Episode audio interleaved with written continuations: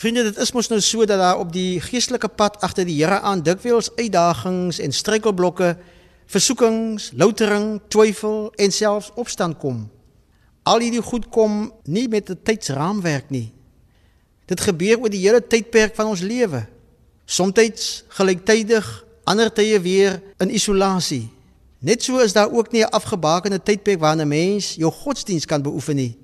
Met ander woorde, jy kom nooit by 'n punt waar jy kan sê ek het nou klaar my godsdiens beoefen en nou kan ek maar ophou nie. Nee, ons diens aan God is 'n lewenslange spirituele proses.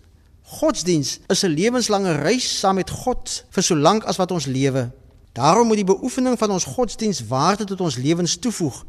Daarom is kommunikasie, dis gebed met God nie 'n bykomstigheid nie, maar 'n noodsaaklikheid.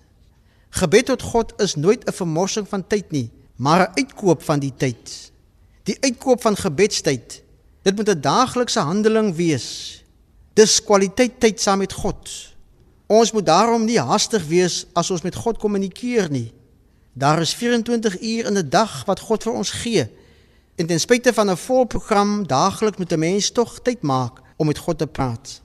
Die apostel Paulus gee in Romeine 12 vers 1 hierdie belangrike advies: Gee julleself as 'n heilige, welgevalle offer aan God. Dit is die wesenlike van julle godsdiens. Hy sê letterlik gee julleself as 'n liturgie. Hy vra 'n geordende lewe gevul met die regte deugde. Met ander woorde, die wese van jou bestaan is om jou aan God te wy. Dit beteken nie dat ek my moet gaan afsonder en uit die sondige wêreld moet pad gee nie. Nee, alles wat ek doen in die wêreld moet in diens van God staan. Dis immers hoekom God my gemaak het as die kroon van die skepping, as sy verteenwoordiger. Ek moet God verteenwoordig in hierdie wêreld. Ek moet tot sy diens wees. 'n Mens se lewe kry net waarde as jy in diens van God staan, ongeag waar jy werk en wat jy doen. Jy hoef nie net 'n leraar te wees om in diens van God te staan nie. Die apostel Paulus doen op elkeen van ons 'n beroep om ons aan God te wy, ongeag wie of waar ons is. In jou alledaagse lewe, in jou interaksie met mense, in die uitvoering van jou dagtake, kan jy God ook dien. Nie net in die kerk nie, maar ook in die wêreld kan jy God dien en jou so aan hom gee.